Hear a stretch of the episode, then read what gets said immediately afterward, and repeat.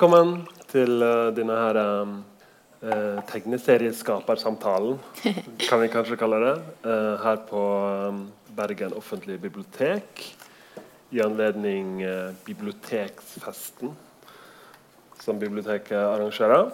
Og i dag så har vi med oss, i alle fall i mine øyne, to av Norges mest spennende tegneserieskapere. Og det er Inga Sætre fra Brøttum, så jeg på internett i Ringsaker. Og så har vi Martin Ernsten fra Oslo. Ja. Og da, da, er det lov å applaudere. um, Inga, på nettet så står det at du debuterte i 2002 med Møkkajentene. Mm. Um, og så hadde du boka 'Fallteknikk' i uh, 2011. Uh, som jeg tror det er den første norske tegneserien som har dratt hjem en Bragepris. Jeg tror Jason hadde en først. Han hadde det, ja. ja. Men det er godt at vi fikk på det rene. Um, og Brageprisen det er jo forlagsbransjen sin uh, sånn høythengende litteratur- eller bokpris. Uh, og du, Martin, har jo nettopp blitt nominert. Det ble mm. lansert nå denne veka. Så ja. Gratulerer med det. Takk for det. Ja. Hva, kan man bare spørre, hva betyr det for dere å bli nominert til sånne priser som på en måte litteraturverdenen setter veldig høyt? da? Eh, jeg, jeg, ble veldig overraska. Jeg syns det var litt absurd, egentlig. Jeg lagde liksom fallteknikk som en sånn undergrunnsgreie som jeg forventa at skulle bli liggende der. Eh, så den fikk et veldig annerledes liv liksom, enn jeg trodde. Eller det hadde mye å si for meg etterpå. Ja, hvordan da? Nei, mer sånn eh, Ja, jeg, jeg, ble på en måte litt stolt, da. ja, ok, ja. Men, men, fikk du flere øyne på boka? Ble det på en måte um, uh, Fikk den bedre spredning blant publikum og sånn? Ja, veldig annerledes publikum ja. tror jeg. Ja. Og mer sånn Kanskje jeg er litt grann Ikke arrogant, men litt sånn som man kanskje halvdisser seg sjøl litt. Jeg tenker sånn ja, Jeg vet ikke om du har lest den, liksom, men du bare ser at den har Brage-pris, og du sier at den er bra. Men det var litt sånn at jeg følte at den på en måte litt sånn det, det, kan være mine issues, altså. Men jeg følte litt at den på en måte Jeg er ikke sikker på om den havna i riktig selskap, på en måte. Fordi at jeg hadde liksom Jeg hadde laga den til undergrunnen. Ja. Og så kom den liksom opp som en sånn freak, da. Men det er jo ikke, det er jo ikke sånn det egentlig er, altså. Nei. Bare det, Ja. Jeg har ikke liksom Det er ikke sånn at jeg ønsker meg å lage sånn litteratur. Jeg tenker jo at tegneserie er tegneserie. Ja. Og at den skal selvfølgelig være på linje med all annen interessant litteratur, liksom. Ja. Men det, det, føles ikke sånn sånn Å, jippi, endelig så får vi lov til å bli regna som litteratur. Fordi det er jo en forskjell uansett. Hvilken liksom. kategori var det den vant i? I barn og ungdom. Ja. Mm. Men uh, Ja, så litt, så, litt sånn blanda følelser, men veldig mye mer liksom Jeg er ikke sikker jeg kaller det litteraturpris, heller. kan det hende jeg kaller det bokpris? Det kanskje. Det burde ja, det, kanskje bare være. Mm. Um, ja, og du er aktuell eh, nå med 'Det finnes en død etter livet'. Og så er du, Martin, aktuell med 'Sult'. Så det skal vi snakke om her i dag. Um, du, Martin, du debuterte med boka 'Nissefugl', iallfall på sånn forlag, stemmer mm. Som er et uh, hefte ja. ja. Tegneseriehefte utgitt på Jippi forlag. Ja. Uh, etter det så har du lagd uh, ungdomsrealisme i to bind med ugler, og du har lagd en bok som heter 'Fugløya', som er et sånt fyrvokterdrama. Biblioteket lagd et sånt flott alter her uh, med alle bøkene deres, sånn at dere kan kikke på det etterpå. Nå bare nevner jeg for vi kommer ikke til å gå så veldig masse inn på alle. Du har ei bok som heter 'Codox Run', som jeg ser ikke er her. Som mm. er kanskje litt sånn surrealisme. Kanskje? Ja. Fabel, kanskje? Fabel, ok. ja. Ja. Mm. Kan du fortelle litt om den, siden den ikke er her? For den hadde litt sånn spesiell opprinnelse, syns jeg. Ja, det er kanskje den mest eksperimentelle boka jeg har laget før 'Sult'. 'Sult' også har blitt ganske eksperimentell sånn i fortellerteknikk. Uh, men uh, det var egentlig masteroppgaven min da jeg studerte på Konstfakk i Stockholm. Så altså Masterprosjektene våre skulle jo stilles ut i lokalet på skolen. Så jeg ville gjøre en tegneserie som skulle fungere både som bok, men også som utstilling. Mm. så den skulle kunne leses på to, må to måter. Da. og det jeg gjorde, var en lang, sammenhengende tegning på et 13 meter langt silketrykk til slutt. Ja. Som ble bretta sammen ja. som en sånn strekkspill. Ja. Og så pakka inn i stive permer. Men det ble også hengt i taket. Så man kunne gå rundt i rommet og lese historien i rommet. Ja. Og så var selve historien var, var, fungerte som en sånn uh, sirkulær Sisyfus-type historie. Mm. Så at uh, den begynte der hvor den sluttet. Så, ja. Sånn at det var naturlig å lime, lime sidene sammen til en sirkel. Ja. Um, og så har den trykka i to farger. Ja. Så det er jo en ganske omfattende trykkeprosess. Uh, ja, absolutt. Ja. To farger, og så eh, I silketrykk så ha, kan man ha sånne gjennomskinnelige farger, sånn at det blir en tredje farge der hvor fargene overlapper. Ja. Så man kan få flere farger ut av få mm. farger. Ja. Uh, den vil jeg på i alle fall jeg kategorisere som en sånn kunstnerbok. Den fins i 15 eksemplar, stemmer det? Jeg lagde 30. 30 ja. eksemplar, Men det er fortsatt eh, begrensa opplag. Så ganske mye. Ja. Og du um, du har jo jobba egentlig veldig mye med uh, litt sånn fanzine. Og fanzine pleier jeg òg å kategorisere som kunstnerbøker. Det er på en måte begrensa opplag og mm. uh, gjerne til et alternativt publikum. og sånn. Så Kan du fortelle litt om fanzine du har laga? Ja um, I fanzine så har jeg ofte også eksperimentert en del. Det har vi kanskje gjort generelt at jeg hele tiden har villet prøve ut nye ting og ikke har slått meg helt i ro med liksom, et stiluttrykk eller uh, en sjanger eller noe sånt. Så um, jeg har jo gjort mye forskjellig i fanzineformatet. Ja, formeksperiment eller dagbokstriper. Eller der har vi også en for Gabriella som er sånn uh, fiksjonell historie om to seilere fra Finland ja, ja. som drar på jordomseiling. Ja, Den har jeg faktisk Så, ikke lest. Nei. Ja. Så har vært innom eh, mye forskjellig der. Og det er det som har vært litt kjekt med fanziner. At man liksom kan gjøre kjappe ideer, og så går det veldig raskt fra idé til ferdig produkt. At mm. du liksom trykker det opp selv, og så mm. er det der. Jeg kjenner mest til fanzinene dine som du lagde sånn midt på 2000-tallet. Men lager du fanzine fortsatt? Nei, jeg slutta. og nå har du så store bokprosjekt på gang. Uh, nei, jeg ble, jeg ble, litt lei. Ja, jeg ble ganske lei etter ti år. Okay. Ja, jeg har holdt på i ti år med fanziner. Ja, ok, Så nå er det helt slutt? ja, ja, men det, det, er det at uh, ja, For det første er det ikke noe penger i det, og det er jo greit nok. Man gjør det litt som en hobby da, for mm. moro skyld. Men så er det ikke så moro når det er så vanskelig å få distribuert det og mm. få solgt det. Og så ble jeg litt lei av å sitte på stand på festival og prøve å pushe liksom, noen små hefter for en 30 kroner eller noe sånt. Så. ja. så nå blir Martin Arntzen litt mer utilgjengelig framover. ja. ja, men det er fint. Men uh, jeg vet jo at du, Inga, du har jo drevet med sjølpublisering, du òg. Kan du mm. fortelle litt om det? Det, det er noe med at eh, hvis man liksom lager sånne små ting, så holder man seg kanskje litt mer sånn levende, da. Hvis man mm. jobber med en lang ting, så trenger man litt pause til å finne ut nye stiler eller nye ideer eller nye måter å fortelle på. Mm. Eh, og det tenker jeg er veldig nyttig, da. Ja. Hvis man skal lage en lang bok, så må man liksom holde seg til én stil, ellers så blir det en rar bok. Ja. Men um, Men sånn som de første Møkkajentene, de ga du ut sjøl, sant? Mm. Um, men lagde du noe før Møkkajentene, som i fanzineformat?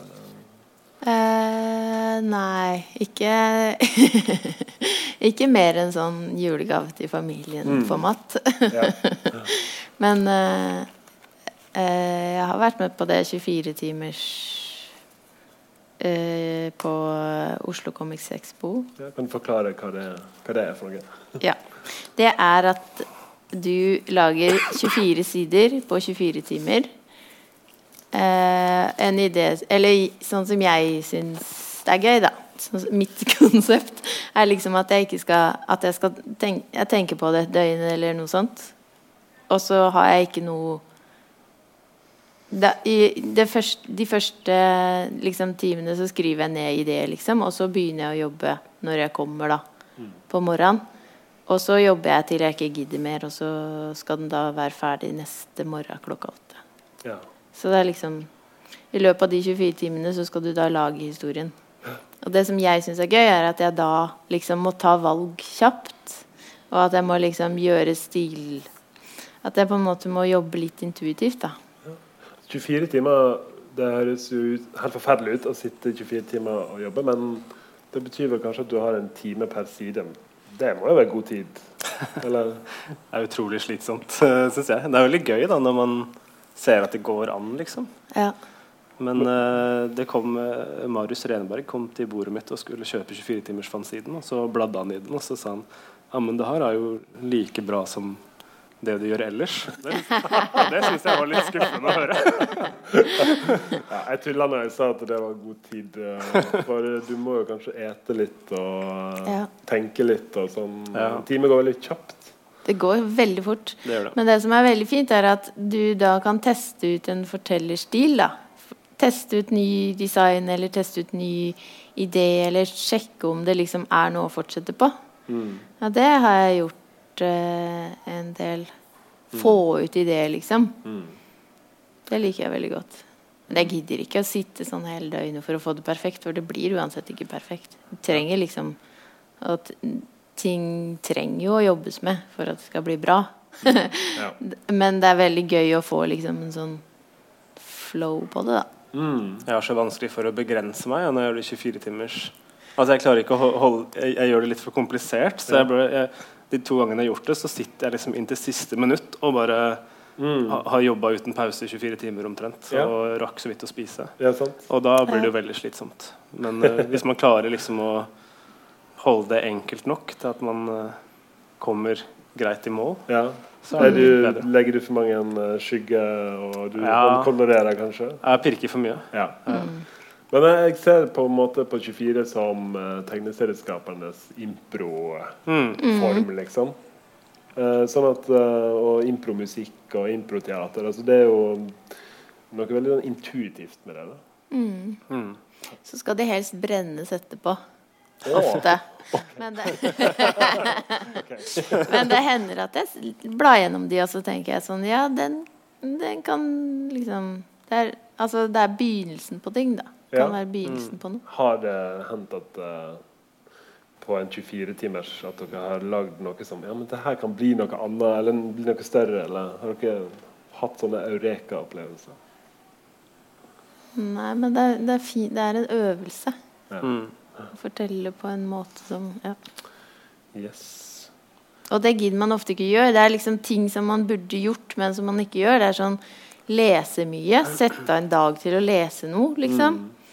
Eller å se på en film på, på, dagen når du er våken, liksom. Ikke bare på kvelden å, før du sovner. Liksom. Sånne ting som man egentlig må gjøre når man skal jobbe. da Og mm. eksperimentere. Ja. Ting som man ikke får betalt for, liksom. Men som er kjempeviktig, egentlig. Mm. Veldig vanskelig å prioritere når man liksom er på jobb, da. Ja, mm. ja skjønner. Mm. Um, kan du fortelle litt om Møkkajentene til deg som ikke har uh, lest Møkkajentene? det var uh, Jeg begynte bare å lage striper når jeg uh, ikke hadde annen jobb. For jeg, jeg begynte da som animatør, og så var det sjelden jeg fikk noe oppdrag. Eh, men da lagde jeg en del tegneserier sånn Men jeg hadde Jeg var liksom Jeg gikk i Volda og var litt sånn i gang Vi fikk hver mandag eller noe, så fikk vi sånn opp, Eller hver uke så fikk vi oppgave å lage Lage et produkt til neste Lage storyboard da, til neste uke, liksom. Så vi hadde sånn jevnlig øvelse.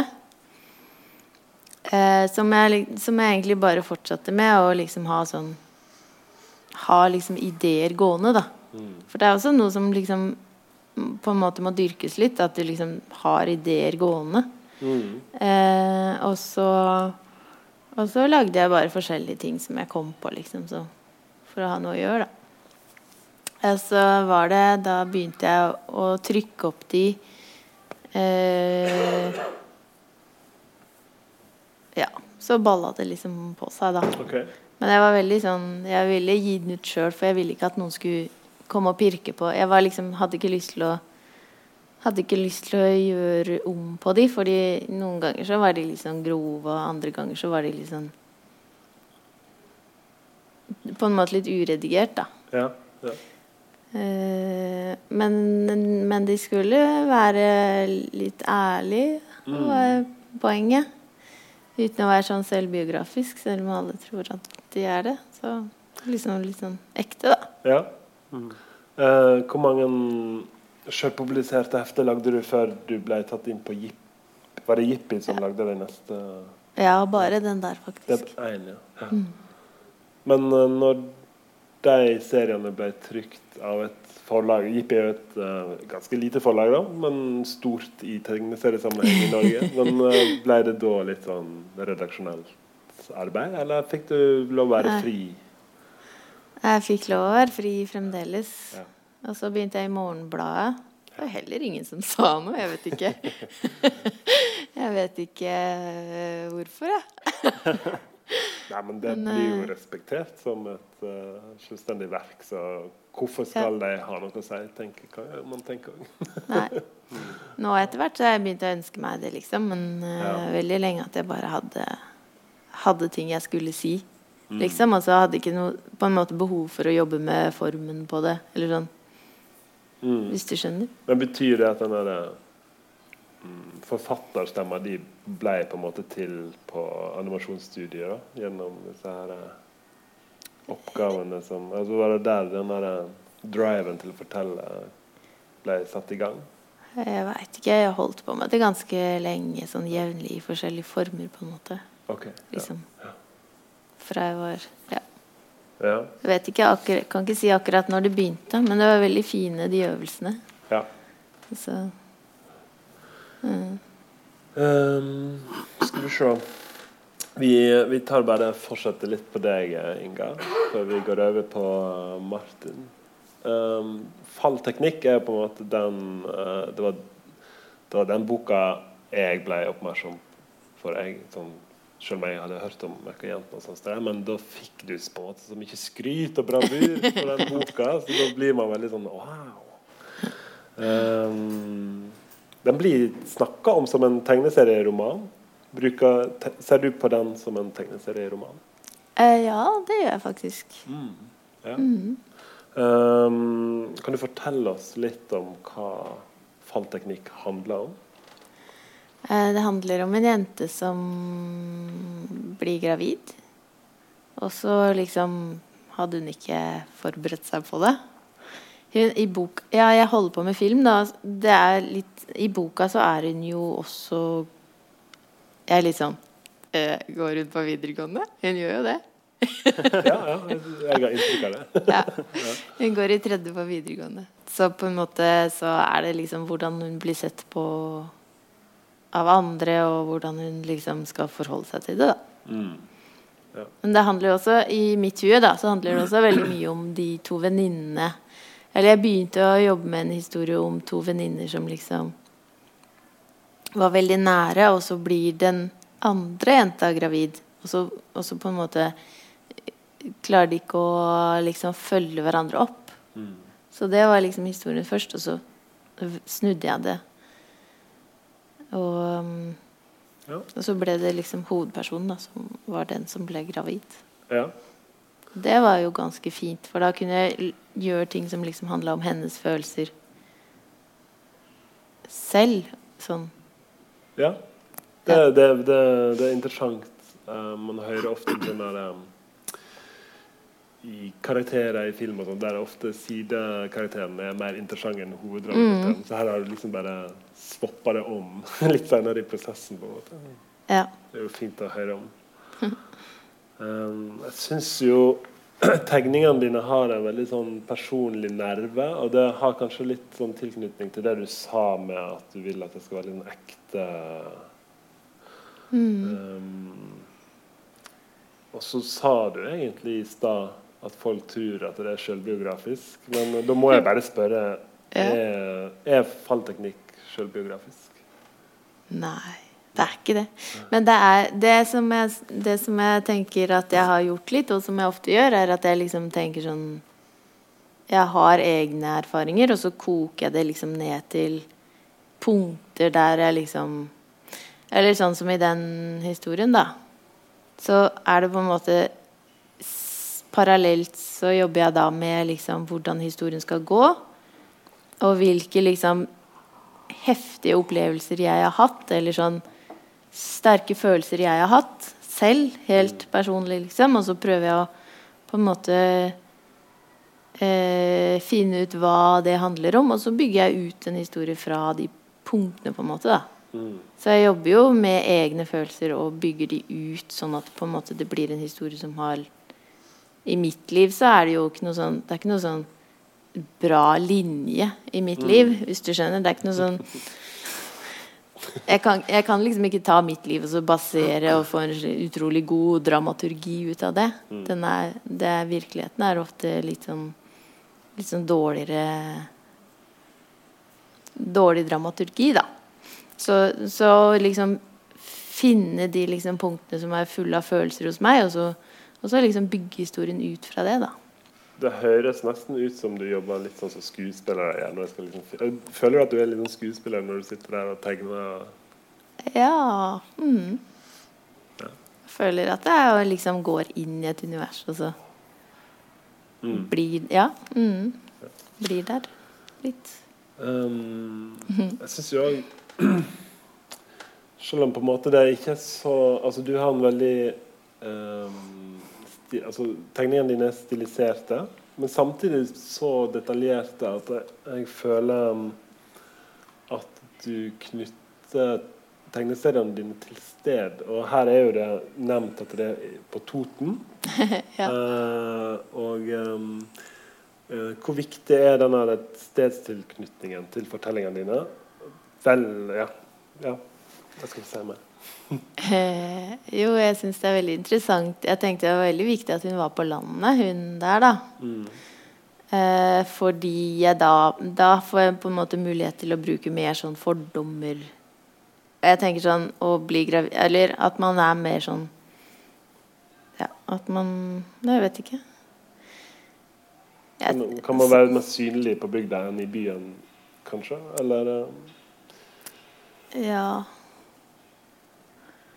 Nei, jeg tenker Jeg, jeg veit ikke. Jeg tenker det er ganske fin sånn stemning, liksom. Jeg syns også det er liksom morsomt at de drar på aikido-klubben som liksom ligger på jordet, da. Mm. Eller på en måte den, den, følelsen av å være sånn veldig sånn At det er litt sånn norsk filmhumor, da. Men uh, sånn... Brøttum, som du kjenner fra, er det en stor plass? Nei, det er altså bygda. Ja, sant. Sånn at du, du har òg vokst opp i ei bygd og kan liksom relatere deg til det. Tror mm. du det er underbevisst, eller føler du at du ville liksom portrettere bygda? Liksom? Nei, det jeg veit ikke helt.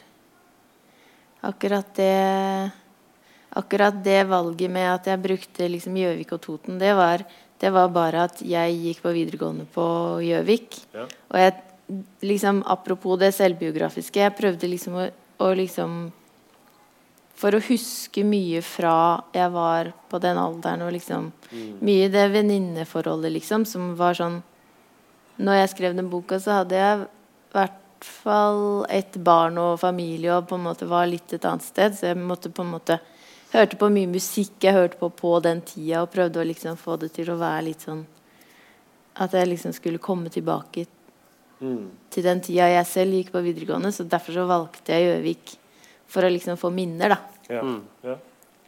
Eh, og jeg aner ikke om det fins noe aikidoklubb på Toten. Så det er en slags liten spøk. ja. Nei, men uh, det, det, det gjør med meg som leser, i alle fall, er at jeg føler um, en slags virkelighetstilknytning. da. Sånn at det, det gjør kanskje Det hjelper kanskje uh, karakterene til å føles på. Mm. Så man føler seg også litt lost når det er sånn åpent landskap. Og, og hun, altså hun, skulle jo føle seg veldig sånn ensom og på en måte feilplassert. da. Mm. Det er så fint at det er sånn litt sånn mye jorder utover, liksom. har, du bodd, har du bodd på hybel? Ja. ja. ja. Det har jeg. Det er mye sånn hybel... Uh, Hybelhumor. Men du har jo en strek som er veldig lett gjenkjennelig. Og den er ganske, Du snakker om uh, eksperimentering og sånn, men jeg vil jo på en måte si at når man tar alle tingene dine, så er det utrolig konsekvent. Men, og uh, Kan du fortelle litt om det uttrykket ditt, og hvordan det utvikler seg? Og hva du føler det betyr? Ja, jeg blir jo litt lei av meg sjøl, da. Men jeg er veldig Jeg veit ikke hva som Jeg er veldig eh, allergisk mot for mye sånn strek. Jeg, jeg, blir liksom litt sånn sprø at sånn tett Jeg blir altså Det er veldig vanskelig for å liksom tette bildene. Ja. Så jeg vet ikke helt hva som eh, Jeg syns det er veldig ille å se på sånn. jeg er veldig opptatt av at det skal være enkelt, da. Ja. Jeg tror også at jeg prøver å lese tegneserieromaner, og hvis det er tett med skrift, så blir jeg helt sånn Får helt epilepsi, liksom. Mm. Ikke på ekte, da. Men, men at det liksom Jeg har veldig stiliseringstrang, da. Ja, ja. Du har sånn omvendt horror vacui. Altså ja. De som er redd for at det skal være noe blankt igjen på sida, så har du liksom den redselen for at det skal bli tetta. Uh. Ja, nå ser vi dessverre på en litt tett side, faktisk. Men, mm. uh, men uh, det er veldig mye luft i i tegneseriene dine. det synes jeg. Og Spesielt i den siste boka, så vi skal snakke om litt mm. senere. Men streken er jo òg uh, Det er blyant. Og, og uh, Hva gjør blyanten liksom, med tegninger, syns du? Jeg veit ikke. Men jeg husker veldig fra, fra, jeg var liten, så var jeg veldig fascinert av sånn Jeg vet ikke hva det heter. Sånn. Det er noen som bare tegner strek. Og Jeg bare tenkte sånn Hva er det med det som jeg liker så godt? Liksom? Mm. Bare, at det er bare en strek. Hvordan i alle dager kan det være fint? Ja. Det syns jeg var veldig fascinerende. At det liksom Måten du tegner én strek på, kan liksom være sånn At man kan like eller mislike én eneste strek. Da. Det syns ja. jeg er veldig fascinerende. Ja. Men uh, jeg har ikke noe svar på det, faktisk. Jeg bare syns det er veldig fascinerende at liksom en eneste strek kan være dekorativ, da. Mm. Men um, ja. Og da tenker jeg sånn Jeg syns det er veldig pent da med blyant. Ja. Har du liksom hva, hva, føler du når du ser en blyantstrek? Hva, hva, hva er blyanten som sånn uh, sånn ekspresjonistisk uh, uttrykk? og sånn, liksom, hva, hva, gir liksom blyanten? For meg så får det meg til å tenke, meg, meg til å tenke på barneskolen, egentlig. Ja. For det, da jeg gikk uh, Da jeg var sånn 11-12 år, så tegna jeg mye med blyant og ja. jobba ut mye detaljer med det. Det er liksom det første verktøyet ja. du begynner å bruke? Ja, det er litt sånn. Ja. Så uh, har jo litt gode minner til det. Da. Ja. ja. Det lukter litt godt. da det, det er mm. fint. Det lukter godt, da. Av blyanten. du sitter bare og lukter på blyanten. ja. men det, det, ja, det, er det første man begynner å bruke. Og så er det veldig intuitivt. Kanskje det er det verktøyet man har eh, rett det. Sånn det, det føles jo ekte og genuint. Direkte, kanskje.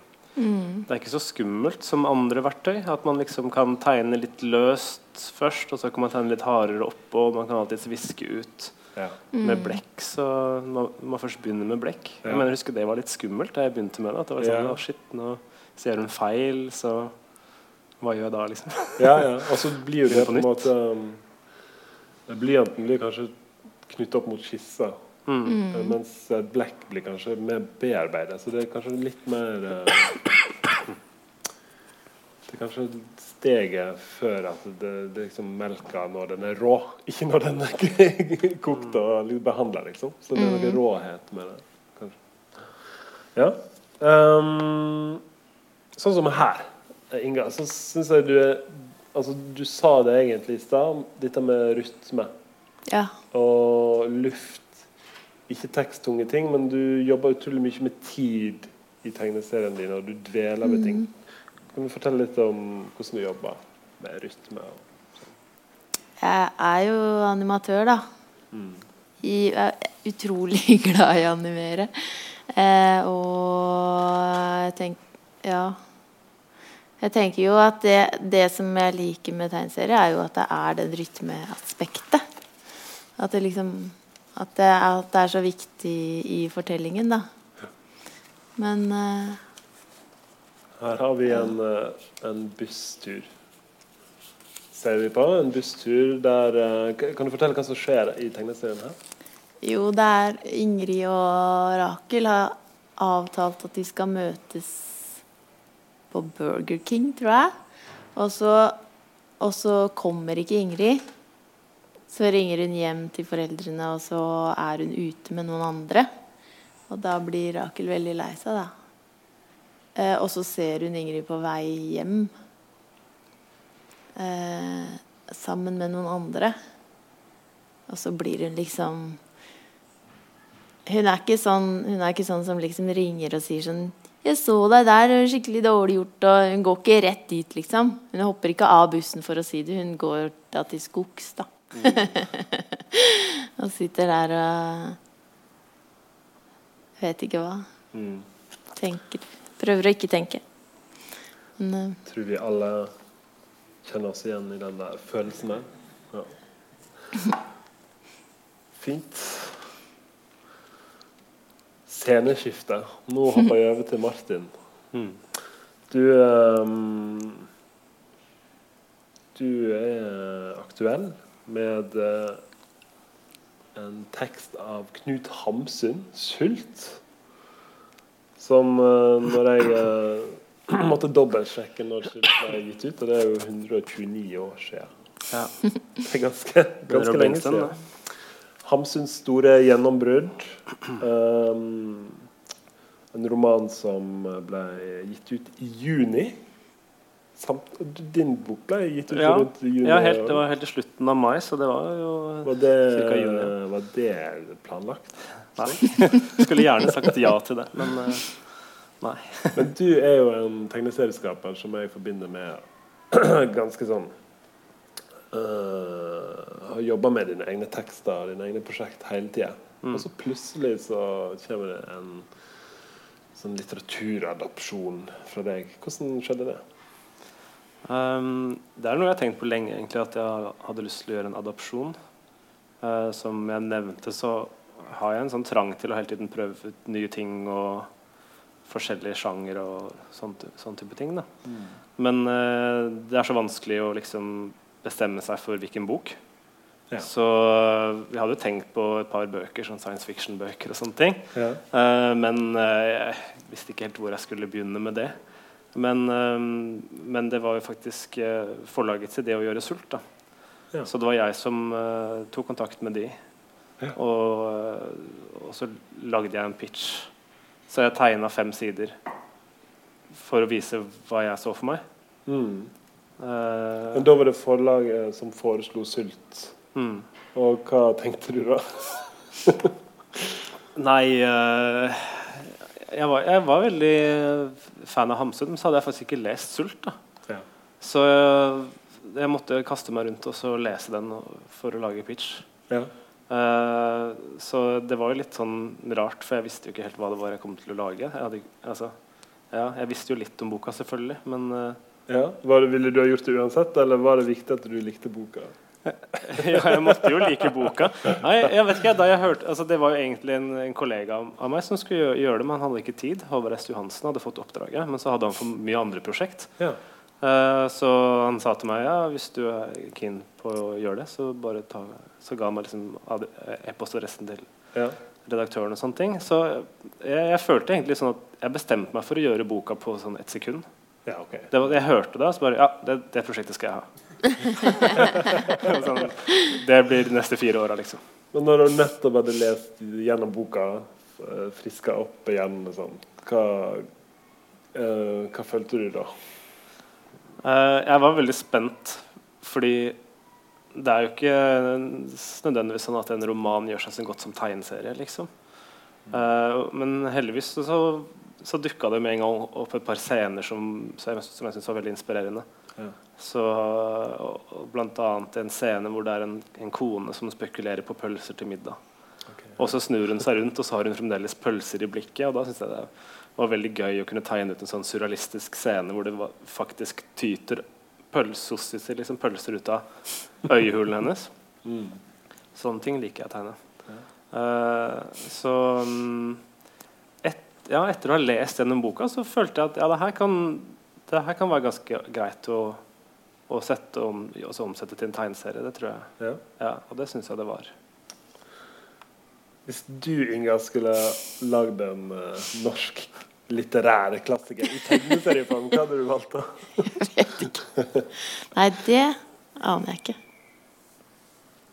Nei. Mm. Kanskje jeg kan komme med et svar i slutten av uh, yes. du kan slutten av timen. Du kan lage den, og så kan du overraske oss med å Men uh, når du skal i gang med å lage en, um, en tegneserie basert på ei bok, uh, hvordan går du fram?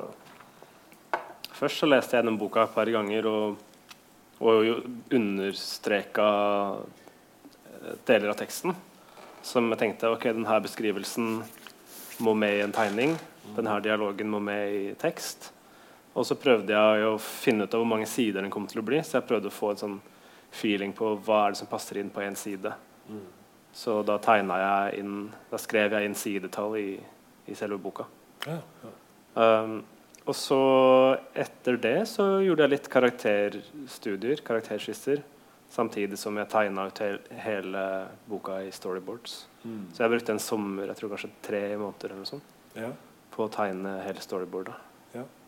Ja, og da ble den på 250 sider. Seinere kutta jeg bort 30 sider. Ok. Det er ganske mange. um, altså, bo, altså, litteratur er jo gjerne fortellerdrevet, og um, uh, fortell, fortellerstemmen er jo fortsatt ganske eh, aktiv i uh, tegneserieversjonen. Og, og uh, det er jo òg et aktivt grep i tegneserier. Men hvordan forholdt du deg til måte det visuelle dramaet som skjer, og den fortellerstemma som er hovedkarakteren, som på en måte forteller mm. Hvordan forholdt du deg til det?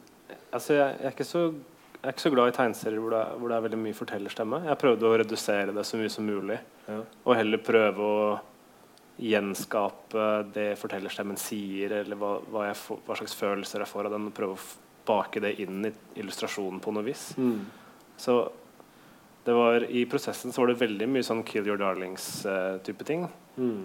Uh, det var en av de tingene som var mest utfordrende òg. Å liksom skjære bort så mye av teksten. Hva skal bort, og hva skal med? Mm. Det er veldig vanskelig å bestemme seg for. Og så føles det som et stort ansvar òg, med en sånn klassiker. liksom. Ja.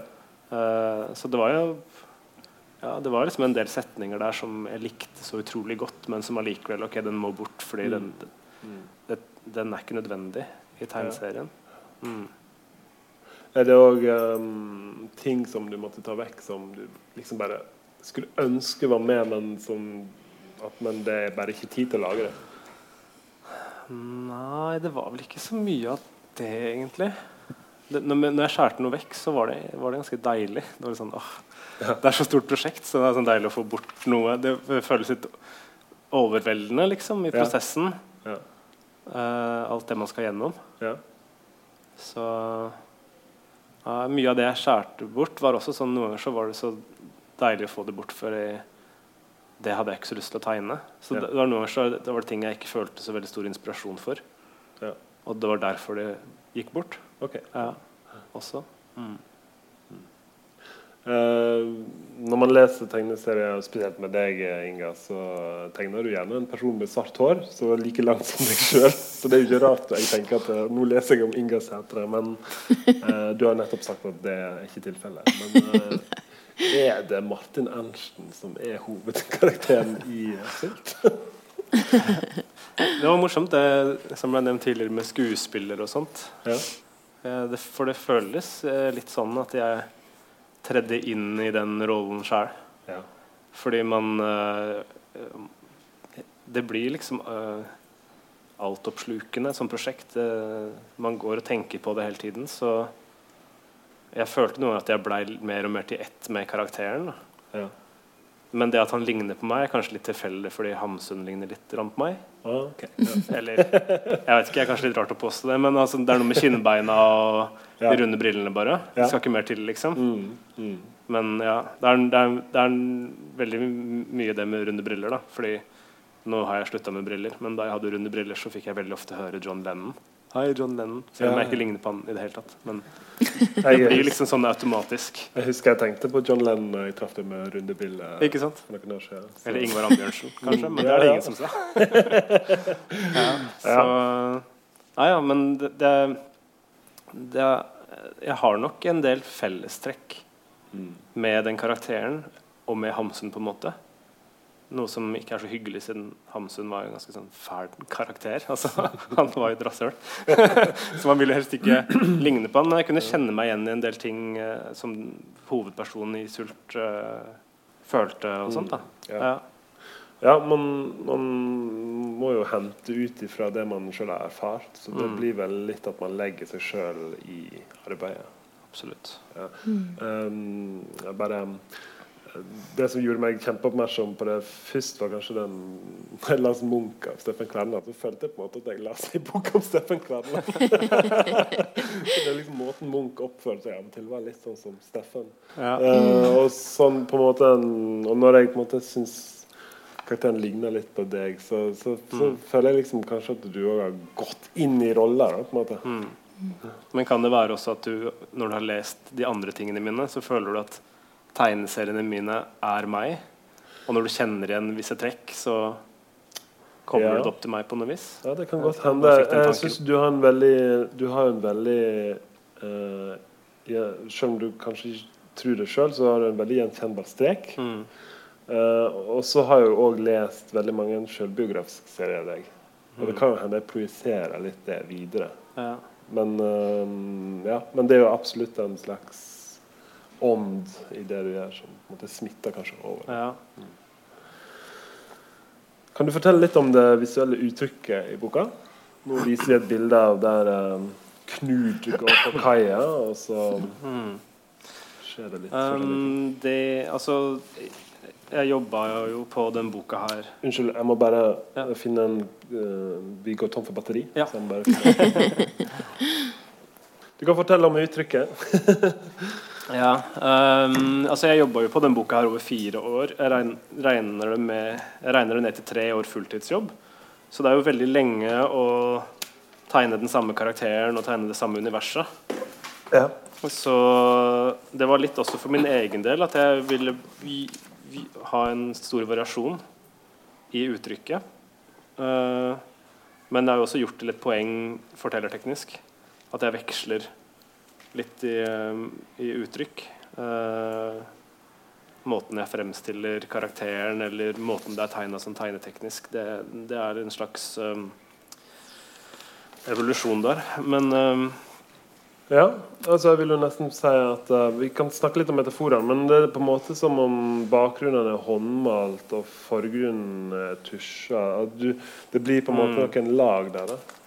Ja, altså jeg bruker tusjlaveringer og så bruker jeg eh, pennesplitt mm. og, og, tusj.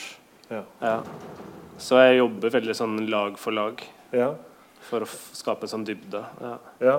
Um, og hvis man skal ta alle nivåer i tegneserien, så har du håndkolorerte drømmelandskap og svart-hvitt malte bakgrunner. Og så har du disse her solide tusja figurene. Mm.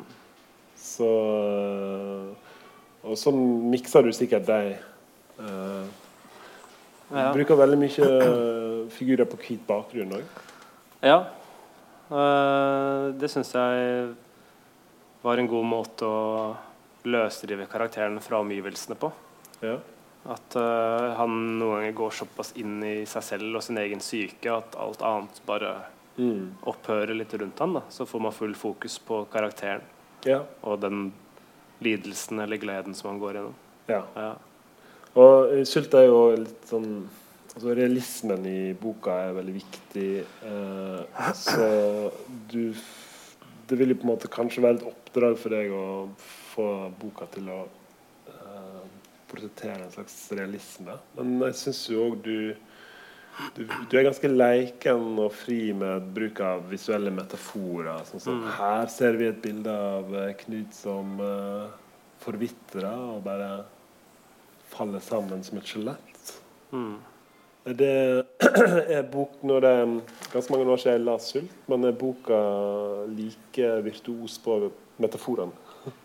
Det er en del av det i der. Det er, det er, ikke så mye som jeg har Det er veldig lite som jeg har funnet på, på en måte.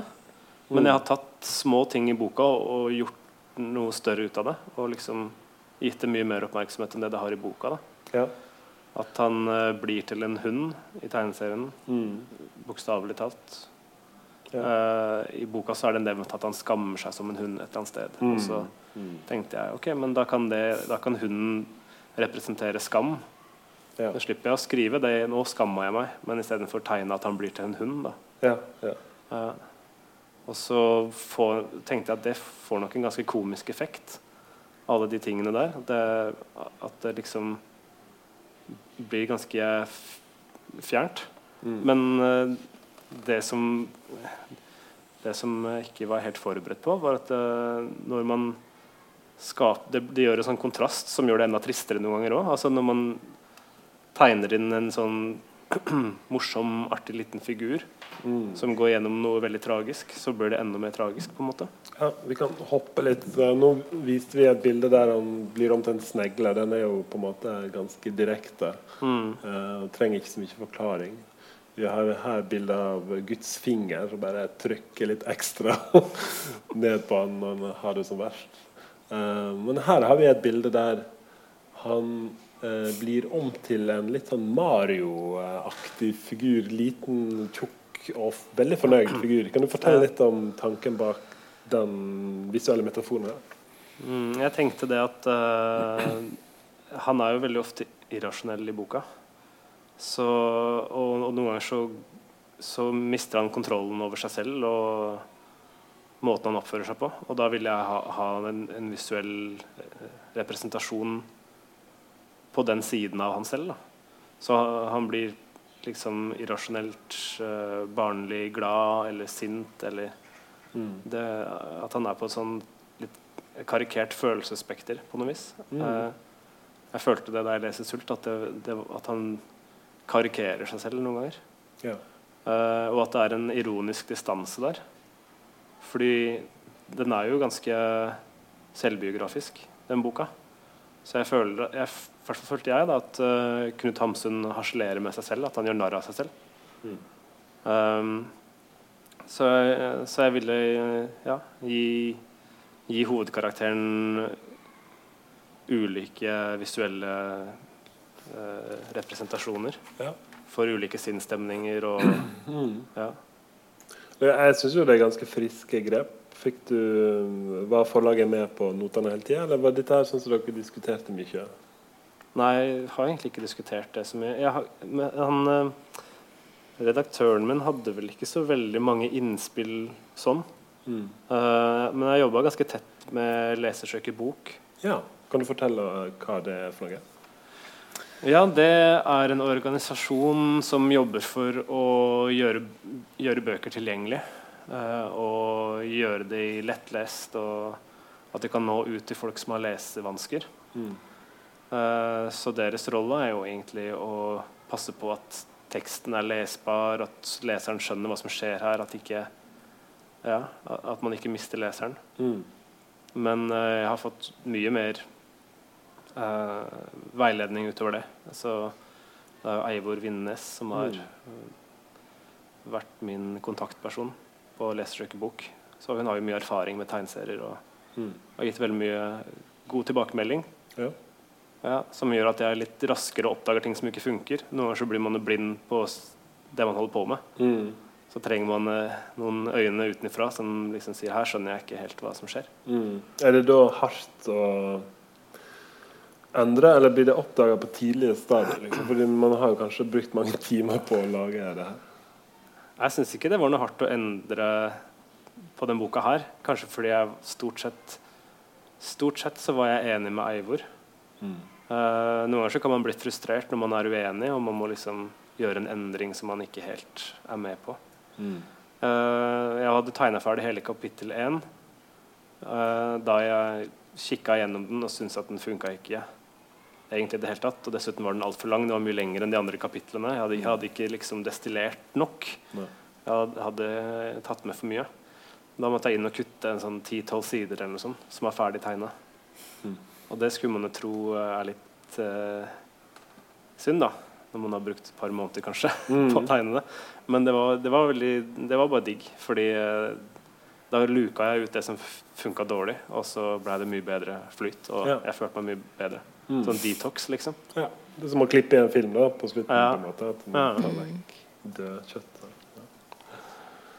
Um, omgivelsene er jo òg veldig sånn utarbeida. Uh, selv om du gjør Altså, det, det jeg liker med tegneserier, er at du danser mellom realistiske bilder og stilistiske bilder. Sant? så du liksom beveger deg på et sånt um, uh, Sånn utformingsspekter, uh, liksom. og i bakgrunnen er det ganske sånn realistiske, håndmalte mm. Hvordan jobber du med bakgrunnen? For det er jo Kristiania vi er i. ja, jeg måtte jo gjøre ganske mye research og laste ned masse bilder fra den tida, 1890-tallet, mm. på Digitalt museum på nett. Ja. Så eh, det var en stor jobb å sortere alle disse bildene i mapper og prøve å skjønne hvor er det han går, og ja. prøve å lage et kart i hodet mitt. Ja. Fordi det er ganske mange hull. Det er ikke så mange bilder fra den tida. Byen har veldig store endringer. Mm. Uh, hele Grünerløkka kom jo først seinere, f.eks. Og ja. Um, så det kunne være litt vanskelig noen ganger å få en oversikt. Men jeg, følte et stort ansvar for at det skulle være så korrekt som mulig. At jeg skulle gjøre mitt beste for at det, det ikke skulle være noen feil. Ja. Og boka er veldig spesifikk. Nå går han ned Tomtegaten, og så gikk han opp dit, og så ja, var han på den kirkegården. Så. Ja, okay, ja. så da var det veldig sånn Ok, her må jeg tegne den kirkegården. Kunne ikke tegne noe annet. Måtte du gå Gikk du mye rundt i Oslo og tok bilder, eller Nei. baserte du deg bare på historisk? Jeg, jeg, tok, jeg, baserte meg egentlig nesten bare på foto, mm. som jeg lasta ned. Ja. Mm. Så innimellom så har jeg mer sånn generiske bakgrunner. Sånn typisk hus fra den tida, type bakgrunn. Mm når det ikke er så viktig. Jeg vil ikke distrahere leseren med masse informasjon i bakgrunnen når det ikke er noe poeng. Nei. Men når han gjør et poeng ut av det i boka, at han er der og der, så, så vil jeg tegne at det er der og der. Ja. Det henger klesvask foran vinduet. Da har ja. jeg med det. Ja. Mm. Jobber du med referanse når du lager historien din av og til? Altså. Noen ganger. Vi hadde jo sånn utstilling i Oslo i mm på Grafil så var det sånn Oslo i tegneserie. Og da, da ble Eller jeg har jo for så vidt vært over, men da Det er jo veldig viktig hvilken, hvilken på en måte sosial hvor, hvor, man er som person i forhold til hvor man bor, eller hvor man går, eller hvor man drikker kaffen sin, liksom. Da. Det er jo ettersom hva folk sier det har mye å si for meg som vil fortelle noe Kanskje det er morsomt eller ironisk, eller fortelle noe kjapt. Mm. Så er liksom bakgrunnen en ganske fin måte å, å liksom sette Sette bakgrunnen på, da. Mm.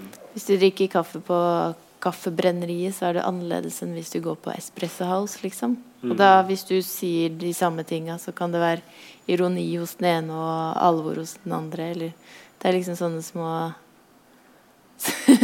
mm. ja. ja. Men det blir jo på en annen måte enn ja. en her. før vi går videre på en bok som du har lagd, hva var det mest sånn utfordringa med å lage 'Sult'? Um, ja, bortsett fra, bortsett fra, det økonomiske, når man jobber over så lang tid, så, så, så var det vel det å altså, ja, fjerne ting, men allikevel beholde flyten og få det til å funke selv om man gjør endringer. For den har veldig sånn den har en veldig sånn um, rytmisk berg-og-dal-banestruktur, på en måte, den, den boka. Altså, det er hele tiden episoder med oppturer og nedturer. Og når jeg fjerna noe, så kunne det forstyrre hele den uh, rekkefølgen der. Mm. Så det, det, var litt uh, vanskelig. Men uh, hvor lang tid brukte du på den? Du nevnte tid og økonomi. ja, ja nei, jeg, brukte, jeg, altså jeg regner det ned til tre år fulltidsjobb. da. Ja. Så det er jo ganske lenge. Ja. Er det, men er det um Jobber du med den i tre år, eller, eller uh, har det gått flere år, men du regner med det som tre år? Ja, altså det, ja, det, gikk jo fire år fra jeg, fra jeg begynte, men det mm. blir en del venting i begynnelsen. og Man sender kulturrådssøknad, og så veit man mm. ikke om det blir bok eller ikke. Så jeg jobba jo den, den tre månedersperioden over en sommer hvor jeg gjorde storyboardet. Så da satt jeg og jobba i tre måneder fulltid kan du si, uten å vite om det kom til, om kom, om det kom til å bli noe mm. med det. Og så søker man til Kulturrådet, og så venter man liksom et par måneder da, ja. for å vite. Hvordan det... finansierte du den arbeidsprosessen her? Er det arbeidsstipend, eller? Uh, ja, fikk jo ulike stipend, men ikke noe arbeidsstipend. Men ulike som prosjektstipend og mm. sånne ting. Men uh, ja Det er jo det er veldig vanskelig å finansiere det. Fordi det tar, når det tar så lang tid å lage tegneserien, så har du ikke tid til å jobbe ved siden av. på en måte Du har jo bare så mange timer i døgnet. Mm. Så ja jeg har jo, Det har jeg jo nevnt i noen intervjuer og sånne ting, hvordan jeg begynte å se uh, likhetstrekk mellom meg selv og hovedkarakteren. For han uh, selger ting til pantelåneren, ja. mens jeg solgte ting til en second hand-butikk. Ja. og sånt. Jeg begynte å selge tegneserier og vinyl og sånn uh, for å liksom ha litt penger, da, så jeg slapp å ta meg en jobb, og så måtte jeg utsette hele, hele mm. boka. liksom. Ja. Fordi jeg hadde en veldig bestemt deadline helt fra begynnelsen av. Mm. For jeg hadde akkurat begynt på, på boka. Hadde bare storyboard og fem sider ferdig tegna. Uh, da var jeg i Berlin og viste det fram til et forlag i Berlin. Og så sa redaktøren der å, det her er jo perfekt for Frankfurt 2019. For da er Norge gjestland på bokmessa. Så bare ja, ok, vi, vi tar den, liksom. Og så tenkte jeg å shit, nå må jeg jo bli ferdig på tre mm, år. Mm. Uh, og så regna jeg på ja, jeg, altså med, det, med, den tegnestilen der så klarte jeg jo bare to sider i uka. Så jeg på at da må jeg faktisk jobbe hele tiden fra nå og til om tre år for å komme mm. i mål. Mm. Og så gjorde jeg det, da.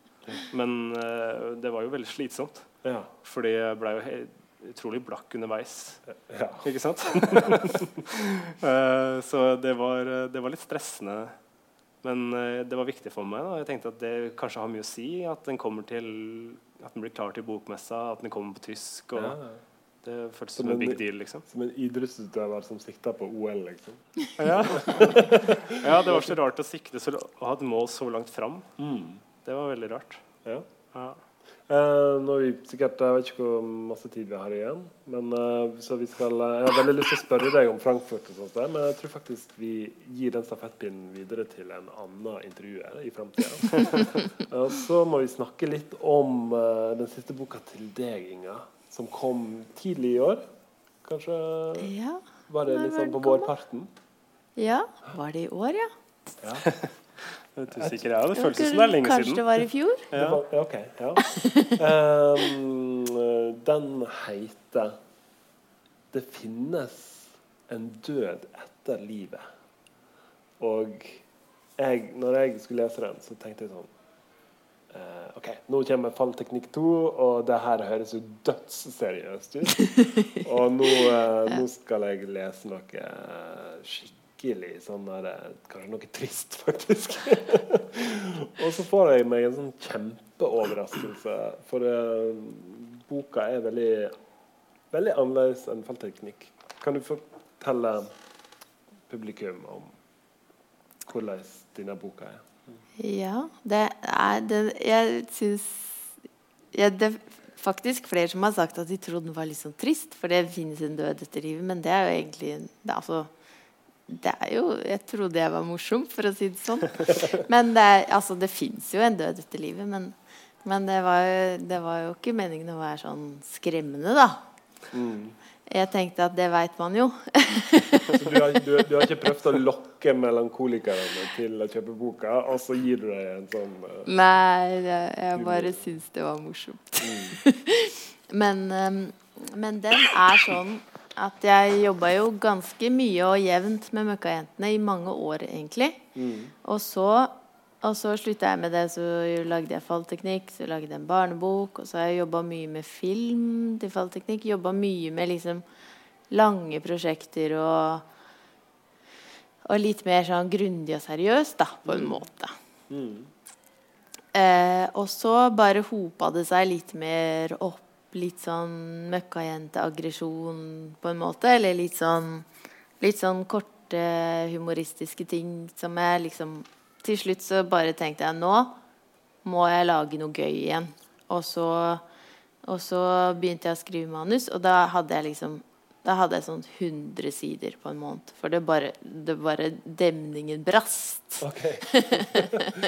så det var veldig veldig gøy å lage den boka. Helt sånn fullstendig uproblematisk. Alle valg var sånn så lette å ta. Skriver du manus før du tegner, eller er liksom Helt sånn Okay, du Skriver på maskin, liksom. Okay, ja. Ikke sånn gammeldags skrivemaskin, men på datamaskin. Okay. Helt Ja. Så det er atskilt, liksom, og så tegner du? Eller skjer det av og til at det er samme prosessen? Noen ganger så, så er det direkte. Altså sånn som den. Helt klart manus som har vært kjempelangt og kokt ned til stripe. Mm. Eh, den direkte. Da pekte, for de som hører på podkast, for dette blir tatt opp, så ja. peker da Inga på en uh, enkelttegning med en uh, kommentar om flass når man har kledd seg i svart, som jeg kjenner meg veldig igjen i. Og så har vi en litt lengre sekvens på neste side. Um, ja, det er det mye gruff. Uh, det er veldig mye sånn uh, passiv aggresjon i humoren din. ja, men altså jeg føler ikke at det er så fryktelig mye gruff i livet mitt sånn ellers. Mm. Men eh, jeg liker liksom å harselere litt, da. Syns det er veldig gøy å harselere. Men jeg, men jeg, føler at jeg skal spare sånn venner og familie for det. Så jeg har liksom de Jeg har de Det er min kanal, det der, da. Ja. Men er det sånn at um, personene vi ser For dette er en tegneserie som er litt sånn anekdotisk. Det er masse sånne korte, små scener. Uh, jeg føler kanskje at det er en person med litt sånn halvlangt hår som går igjen, men, men, men, men um, Veldig sånn enkeltstående innblikk i ulike tilværelser. Sånn er, men hender det her at du har uh, portrettert noen av vennene dine, eller at det er din familie, eller liksom, Er det òg litt sånn følelsesmessig gjenspeiling av ditt liv i det her òg? Ja, det er jo noen ting som er det. For jeg må bare si, jeg klippa håret mitt etter at boka kom ut. Jeg hadde ganske langt hår når jeg lagde den. Okay. Jeg tenkte ikke på det med men, men, den derre det, det, er jo et eller annet med at jeg ofte begynner liksom med et tema som jeg selv er veldig opptatt av. Og så må jeg da tenke hvordan skal dette fortelles? Ja. Som er da mm. Som er en det, Jeg begynner med på en måte med en idé som er fra mitt liv, eller noe jeg har tenkt på. Som jeg koker ned og vrir på i alle retninger, liksom. Og så, og så forteller jeg den på den måten jeg tenker er best, da. Ja. Så det er liksom det, Jeg tror det er ganske mye sånn følelsen er min, og så Og så Eller jeg vet ikke. Det er jo, det er jo mye som er bare tull òg, men, men det er veldig ofte at jeg liksom tar utgangspunkt i noe jeg hisser meg oppover, da. Ja. Sjøl. Mm. Jeg syns det er uinteressant å ta andres liksom perspektiv. ja. Mm. det er sånn, jeg, ja. Jeg hører at du er opprørt over dette. Kan du fortelle litt om det, liksom? Ja, men det er fint. Da får vi innblikk av hva, som, hva viktige saker du brenner for. Nå har vi prata kjempelenge, og vi er sikkert godt over tida. Så jeg må bare spare de, alle de gode spørsmålene som jeg hadde videre, til en annen gang. Og så må vi si tusen takk til Martin og Inga for at dere prata med oss og delte litt av deres prosesser. Um, ja, kan gi deg en applaus.